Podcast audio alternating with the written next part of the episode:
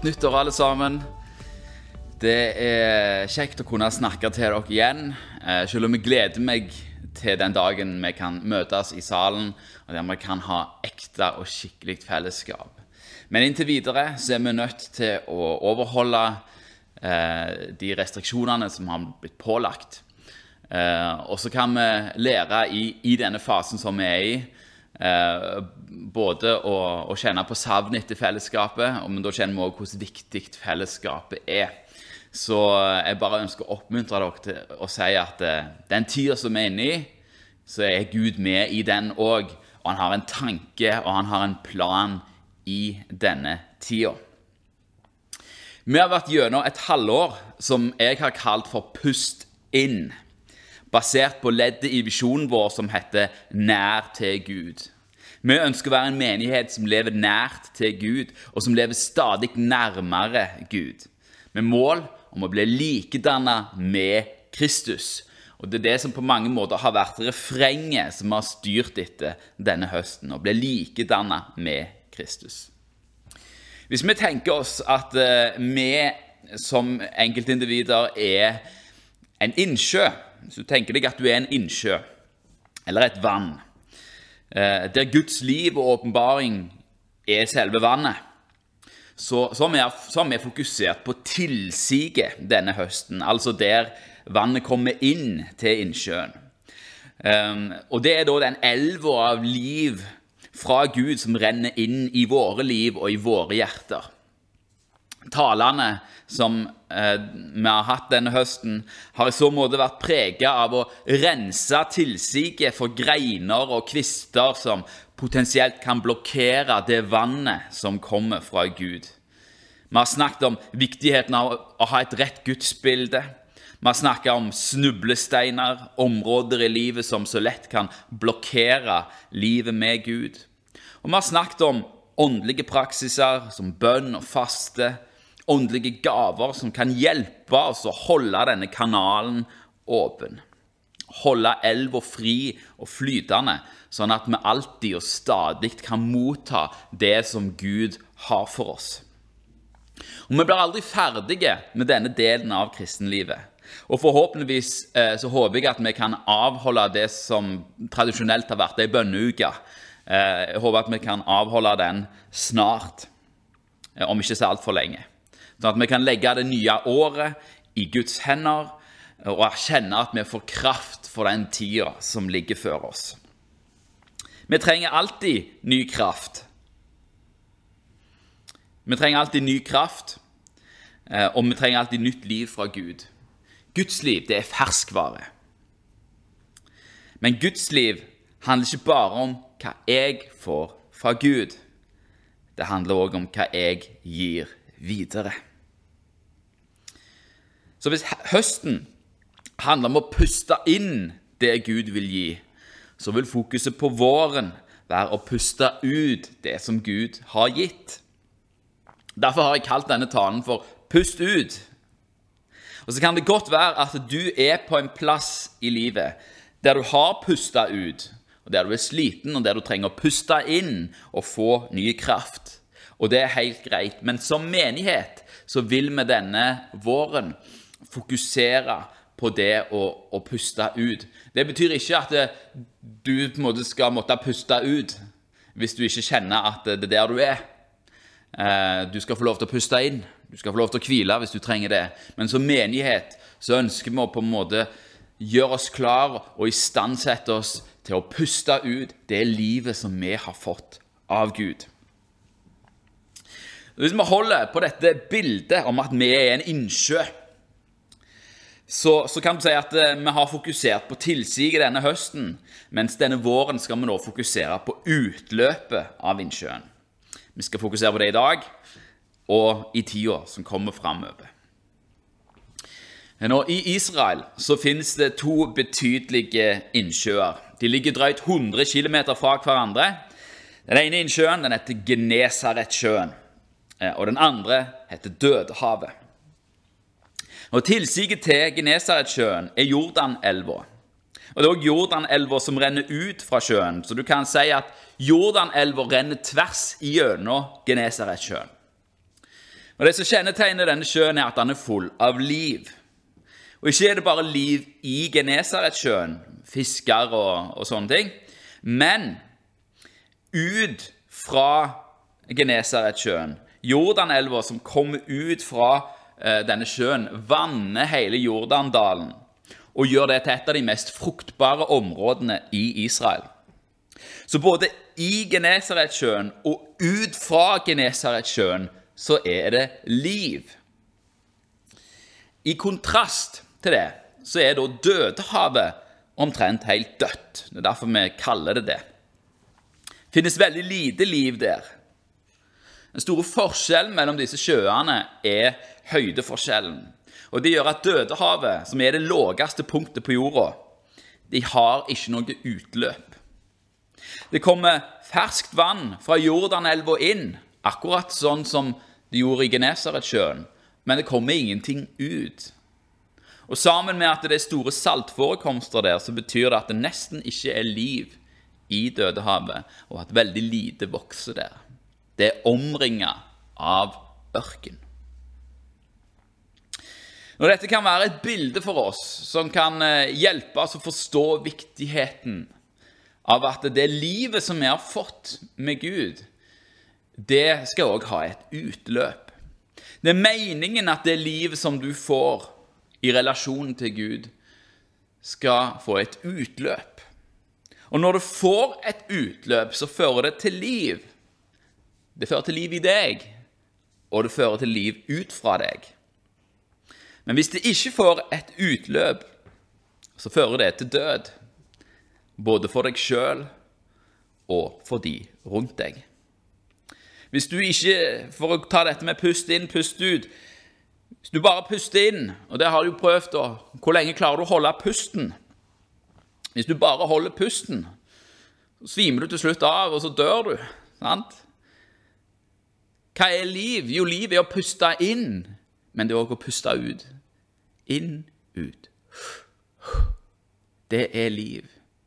Når du slutter å puste, så dør du. Og en vesentlig del av det å puste er å puste ut. Når Jesus skal oppsummere hele loven og profetene Han får spørsmål om hva som er det største budet i loven. Så svarer han Dette står i, Markus 12, 29-31. Der står det Jesus svarte Dette er det første av alle budene. Hør, Israel. Herren vår Gud, Herren er én. Og du skal elske Herren din Gud av hele ditt hjerte og av hele din sjel og av all din fornuft og av all din makt. Dette er det første budet. Dette er det vi har holdt på med denne høsten. Hvordan kan vi elske Herren vår Gud av hele vårt hjerte, av hele vår sjel, av all vår fornuft og av all vår makt? Det er det det handler om. Kjempeviktig. Det er der det begynner. Men så sier Jesus. Det andre, som er like stort, er dette. Du skal elske din neste som deg selv. Det finnes ikke noe annet bud som er større enn disse. Når Jesus får spørsmål om hva som er det største budet i loven Og Jesus svarer ikke med ett Han svarer ikke med én lov. Han svarer med to. Han svarer med det første og det andre. Når det første og det andre sier noe om rekkefølgen, og rekkefølgen er veldig viktig, og det skal vi komme tilbake til senere i denne talen. Det begynner med å elske Herren. Eh, det begynner med å ta imot det livet som Han har. Det begynner med om å, om å rette blikket oppover for å se på Gud.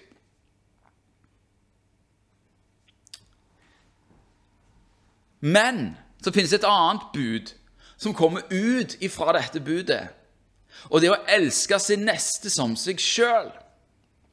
Og Jeg hørte en tale av Øystein Gjerme, som er leder for pinsebevegelsen nå. Eh, han hadde en tale en gang, ehm, og jeg glemmer det aldri, fordi at eh, han illustrerte dette her med noen håndbevegelser som jeg har tenkt å, å gjenta. Nå skal jeg ape litt etter Øystein Gjerme. Det han sa, var at dette her må få følger for dette her. For hvis dette her ikke får følger for dette her, da er det noe som ikke stemmer. Det som er greia i det, det er at det livet som du har her med Gud, det må forfølge for det livet du har med mennesker. Og hvis det ikke gjør det, så er det noe galt med dette her. For det, dette her skal føre til noe altså det, Dette livet som du har med Gud, det skal føre til, til liv for andre mennesker. Nå et, et, eh, En som for alvor setter ord på viktigheten av å leve eh, ikke bare vendt mot Gud, men vendt mot andre mennesker, det er Jakob. Som er Jesus sin bror og som er pastor i menigheten i Jerusalem. Han er en mester i retoriske spørsmål og i slagkraftige svar. Så skal vi lese hva som står der i Jakob 2, 14-26. Det er et ganske langt avsnitt, men eh, skal hoppe, stoppe litt midt inni det, og sånn, men, men jeg håper at dere henger med. Mine brødre, hva gagner det om noen sier han har tro? når han ikke har gjerninger? Kan vel troen frelse ham?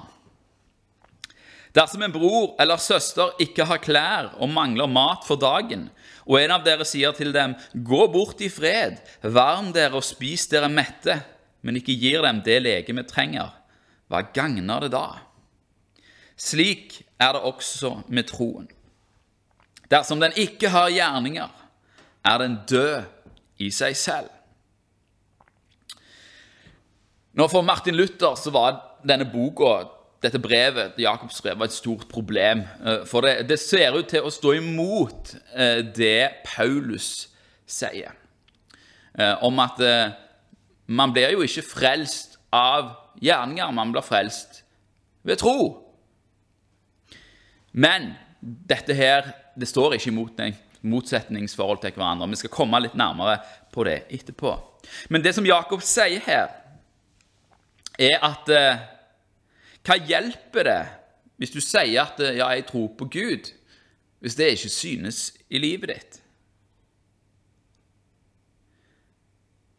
Hvis, hvis troen ikke fører til, til gjerninger, til en endra livsførsel, så er troen død. Men en kan si, fortsetter Jakob, du har tro, og jeg har gjerninger.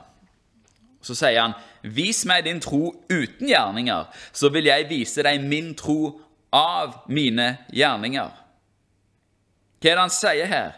Jo, han sier at uh, Hva er det som viser at jeg er en troende? Vel, se på det jeg gjør. Det er det som viser at jeg tror. Du tror at Gud er én. Du gjør vel. Også de onde åndene tror det og skjelver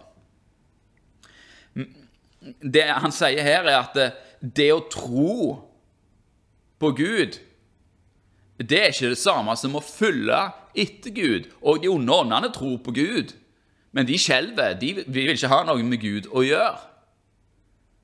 Sant?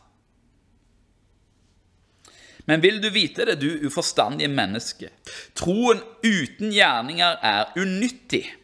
Ble ikke Abraham, vår far, rettferdiggjort av gjerninger da han ofret sin sønn Isak på alteret? Du ser at troen virket sammen med hans gjerninger, og at troen ble fullkommen ved gjerningene. Og Her har vi en, et vesenspoeng i det som står her. Troen ble fullkommen ved gjerningene.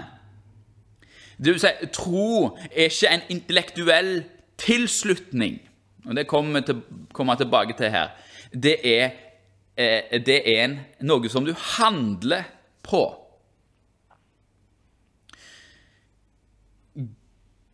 Abraham trodde på Gud, og derfor så gjorde han det som Gud sa han skulle gjøre.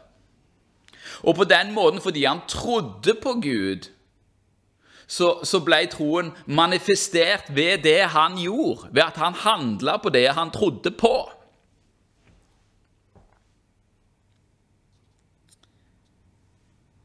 Og Skriften ble oppfylt som sier Abraham trodde Gud, og det ble tilregnet ham som rettferdighet, og han ble kalt Guds venn.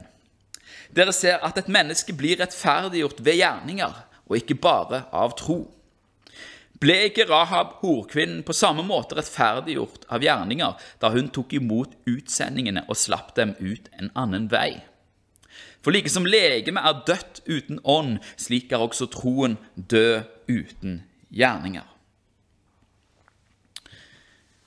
Hva er det Jakob prøver å si her? Jo, for å si det litt med, med vårt blikk på det Hvis du står på femmeteren, og så sier du 'Jeg tror at det er trygt å hoppe',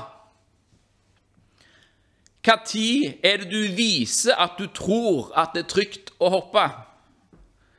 Jo, idet du hopper. Hvis du sier 'ja, jeg tror at det er trygt å hoppe', men så hopper du ikke, tror du da at det er trygt å hoppe? Nei, det gjør det jo ikke. Hvis du nøler 'jeg tror det er trygt å hoppe', ja, men så hopp, da. Sant? Dere ser at tro er ikke en intellektuell tilslutning. Tro er å handle på det du tror på. Det begynner med at ja, jeg tror at det er trygt å hoppe. Det begynner her oppe, men så blir det fullkomment, som Jakob snakker om. Det fullføres i det du hopper. Tro er kun tro hvis du handler på det. Så skal vi holde tunga rett i munnen her, for her er det viktig med noen rekkefølger. For Paulus han sier jo ettertrykkelig at mennesket blir ikke rettferdiggjort ved gjerninger, men ved tro. Men her sier jo Jakob at ja, men du blir ikke rettferdiggjort bare med tro, du blir rettferdiggjort ved gjerninger. Dette her ser ut til å stå i motsetningsforhold til hverandre, men det gjør ikke det. Og her er det rekkefølgen som er viktige. Det vi må skjønne, folkens, mine gode venner, mine brødre og søstre Det vi må skjønne, er at troen Det begynner med troen. Det er bare troen som kan frelse deg. Det er bare, Guds, det, er bare det Gud har gjort, som kan frelse deg. Men det livet som blir født inn i deg, og som ble gitt til deg, det er meninga at det skal vokse. Og ut ifra det livet så skal det komme gjerninger kjærlighetsgjerninger, gode gjerninger. Det er meninga. Ut ifra, ut ifra troen så skal det komme en, en strøm av levende vann. Sant? Det ordet jeg taler til dere, sier Jesus, det skal bli i dere, og det skal, det skal bli til en kilde som veller fram. Veller fram til alle andre rundt. Det er det som er meninga. Det er det Jesus snakker om. Ja, det begynner. Det første budet er å elske Herren sin Gud. Men det neste, som er like stort, og som er uløselig knytta til det første, det er at du skal elske det neste som deg sjøl. Den relasjonen der forfølger for den relasjonen her. Og så er det ikke sånn at hvis jeg bare er, gjør masse gode gjerninger, så får jeg en relasjon til Gud, og så blir Gud fornøyd med meg. Nei, det er ikke sånn det henger sammen. Det er ikke evangeliet. Det er fariseisme. Gud, han elsker deg, han. Gud, han er fornøyd, han, med deg.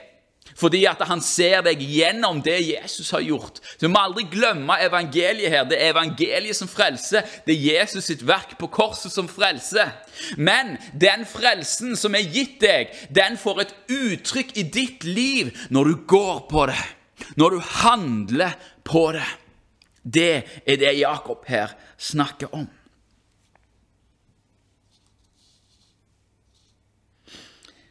Tro er som sagt ikke en intellektuell tilslutning. Det er noe du handler på. Det er noe du står på og går på.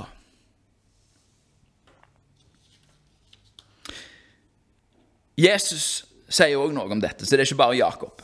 I Lukas 13 vers 6-9, så sier Jesus en lignelse. Og der står det En mann hadde et fikentre planta i vingården sin. Og han kom og lette etter frukt på det, men fant ingen. Han sa da til vingårdsmannen, Se, i tre år har jeg nå kommet og lett etter frukt på dette fikentreet, men ikke funnet noe. Hogg det ned. Hvorfor skal det stå her og utarme jorden? Men han svarte og sa til ham, Herre, la det få stå også dette året, til jeg får spadd opp rundt det og gjødslet det. Kanskje bærer det da frukt neste år. Gjør det ikke det, så får du hogge det ned. Nå Det å være et tre som er planta av Gud, det er jo det vi er. Sant? Når du tar imot Jesus, når du får dette her livet fra Gud, så, så, så er det som å bli planta ved, ved rennende bekker. sant? Du blir planta, Det blir planta noe i deg. Dette her sier eh, alle lignelsene om såkorn og sånne ting. sant? Gud planter et liv i deg. Han planter seg sjøl i ditt liv. Men så er det ikke sånn at eh, Det er ikke sånn at eh, ja, at det, det blir planta i ditt liv, og så, og så, bare blir det der. Og så fortsetter alt som før, og så kan ingen se det, men det er et liv på innsida. Det er ikke sånn det fungerer. Ut ifra dette livet så er det meninga at det skal komme frukt. Og hva er frukt? Jo, frukt er et resultat. Sant? Hva er det et resultat av? Hva er det som gir et tre frukt? Jo, det som gir et tre frukt, det er at det er at det får næring gjennom stammen, at det får næring og vann og, og det det trenger. Og, og, og, Jesus viser her at han er tålmodig. Han sier, 'Ikke hold det ned ennå. La meg gjøre alt jeg kan for at dette skal, skal, skal ha frukt. La meg gjødsle det, la meg spa opp rundt det, la meg legge det til rette for at det skal bli frukt. Men hvis det ikke blir frukt ut av dette treet, så hogg det ned. Det er ganske alvorlig. Hvis evangeliet som vi har hørt og tatt imot, ikke fører til forandring i våre liv, da har vi ikke tatt imot det livet. Da har vi ikke tatt imot, da har vi ikke forstått hva det handler om. Da sier vi det, at ja, vi tror. Vi gir vår intellektuelle tilslutning til det, men vi lever ikke i det. Og det er det vi er kalt til å gjøre. Og hvis man ikke gjør det, så er det alvorlig. Da blir vi kutta av. Men så vet jeg at Gud er tålmodig med oss. Han vil. Frukt er noe som vokser fram etter hvert. Det kommer ikke med en gang. Men det er meninga at det skal komme. Det som du har fått, det er det meninga skal bli synlig for andre. Den kjærligheten som Gud har gitt deg, den kjærligheten skal vi gi videre. I Romerbrevet 10, vers 13-15, så står det noen ting som er fantastiske, og som er utfordrende. Der står det at for hver den som påkaller Herrens navn, skal bli frelst. Det begynner der. Hver den som påkaller Herrens navn, skal bli frelst. Det er ikke vanskelig å komme inn i dette livet med Gud. Du bare kaller på hans navn, og så kommer han. For så trofast er han. Det kan et barn gjøre. Uansett hvem du er, uansett hvilken situasjon du er i. Hvis du påkaller Herrens navn, så blir du frelst. Det sier Jesus. Det sier Skriften. Men så kommer det videre. Men hvordan kan de påkalle en som de ikke er kommet til tro på? Og hvordan kan de tro på en som de ikke har hørt om. Og hvordan kan de høre uten at det er noen som forkynner? Og hvordan kan de forkynne uten at de blir utsett, utsendt? Som skrevet står, hvor fagre deres føtter er, som bringer fred, som bringer et godt budskap. Og et godt budskap, det er evangeliet. Det er det godt evangelium betyr. Godt budskap. Jeg stoppet med dette. Hvordan kan de høre uten at det er noen som forkynner? Og det er her på en måte det røsker litt i meg. Jeg merker at jeg har, når jeg har talt her i dag, så blir jeg veldig engasjert og veldig lidenskapelig. Veldig lidenskapelig på at det som vi har fått, at vi skal gi det videre. Hvorfor er det sånn? Jo, for jeg har stilt meg sjøl det spørsmålet. Hvorfor har kristendommen, hvorfor har den kristne troen gått tilbake og tilbake og tilbake? Og så er det disse her snublesteinene, da. De snublesteinene som har holdt oss kanskje òg vekke fra livet med Gud. Men det som skjer når, når, når, vi ikke har et liv med Gud, vet du hva det er? Vi forkynner heller ikke. Vi forteller heller ikke andre om det som vi har, og det som vi har fått. Alle som hører på, alle som ser på denne sendingen Hvis du tror på Jesus, så er det bare én grunn til at du tror på Jesus. Det er at noen andre mennesker har fortalt deg om han. Jeg har mange mennesker som jeg står i lit til, som jeg, som jeg, står i lit som jeg står i gjeld til. Mine foreldre besteforeldre, familien min, menigheten min på Jørpeland. Og så var det òg han som når jeg var elleve år gammel, forkynte evangeliet og satte meg på valg. Og når jeg var elleve år gammel, så ga jeg mitt liv til Jesus. Hvordan kan noen høre uten at det er noen som forkynner?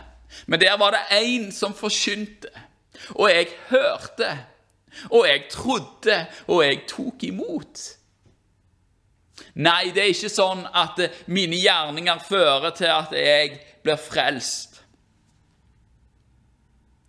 Det er ikke sånn at dine gjerninger frelser deg. Nei, det er Gud som frelser deg og som gir deg gjerninger så du kan gå i. Men dine gjerninger kan føre til at andre blir frelst.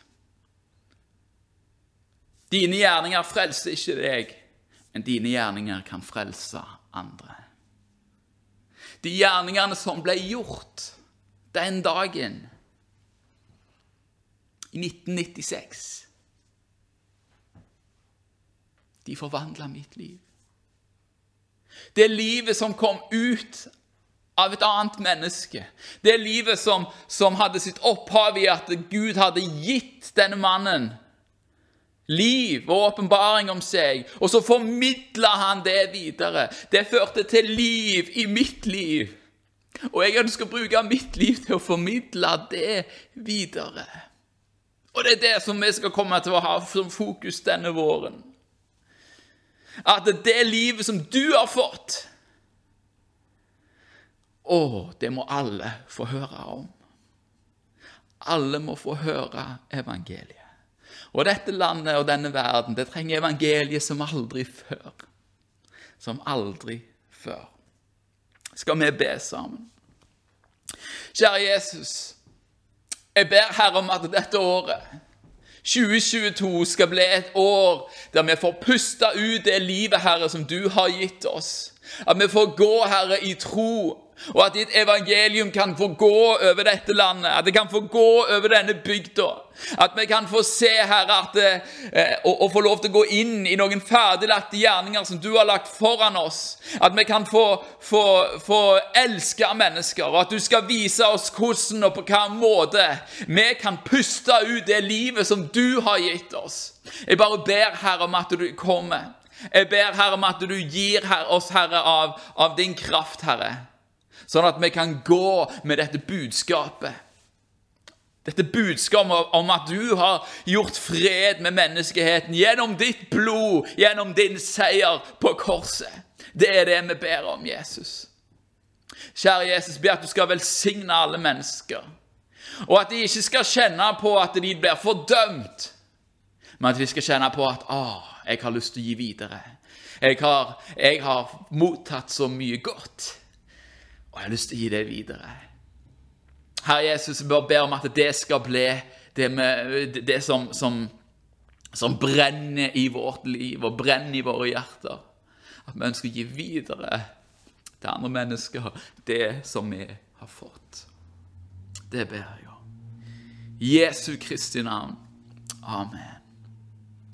kjenner jeg får litt tårer i øynene av dette. Men det er fordi det er så viktig. Fins en hel verden der ute. En hel verden som ikke vet at Gud elsker dem. Som ikke vet at de er så høyt verdt at Gud valgte å bli et menneske for å ta på seg deres synd og straff, for å føre dem til evig liv. Så mange som ikke vet det. Så mange som går fortapt uten grunn. Da kan ikke vi sitte foran TV-en. Jeg snakker mye til meg sjøl her nå. Da kan ikke vi være opptatt av hytta. Da kan ikke vi være opptatt av alle de andre tingene som denne verden er opptatt av. Vi må rette vårt blikk opp mot Han, og så må vi spørre Herre, hva vil du at jeg skal gjøre? Og så må vi gå der Han kaller oss. Må vi gå der Han sender oss. Det kommer til å bli en spennende vår. Jeg gleder meg. Jeg har forventning. Og Jeg håper du har forventning hva Gud har, har, har, tenkt å gjøre. For Gud har planer. Han har planer med deg. Han har planer med Betel. Vi gleder oss til våren. Amen. Da gjenstår det bare for meg å lyse velsignelsen over dere alle sammen. Må Jesu Kristi nåde, Guds kjærlighet og Den hellige ånds samfunn være med dere alle. Ha det bra. Så ses vi igjen forhåpentligvis snart. Eh, og så kan dere følge oss, eh, kan du følge meg igjen neste søndag eh, på, på YouTube, sånn som det har vært nå. Ha det bra.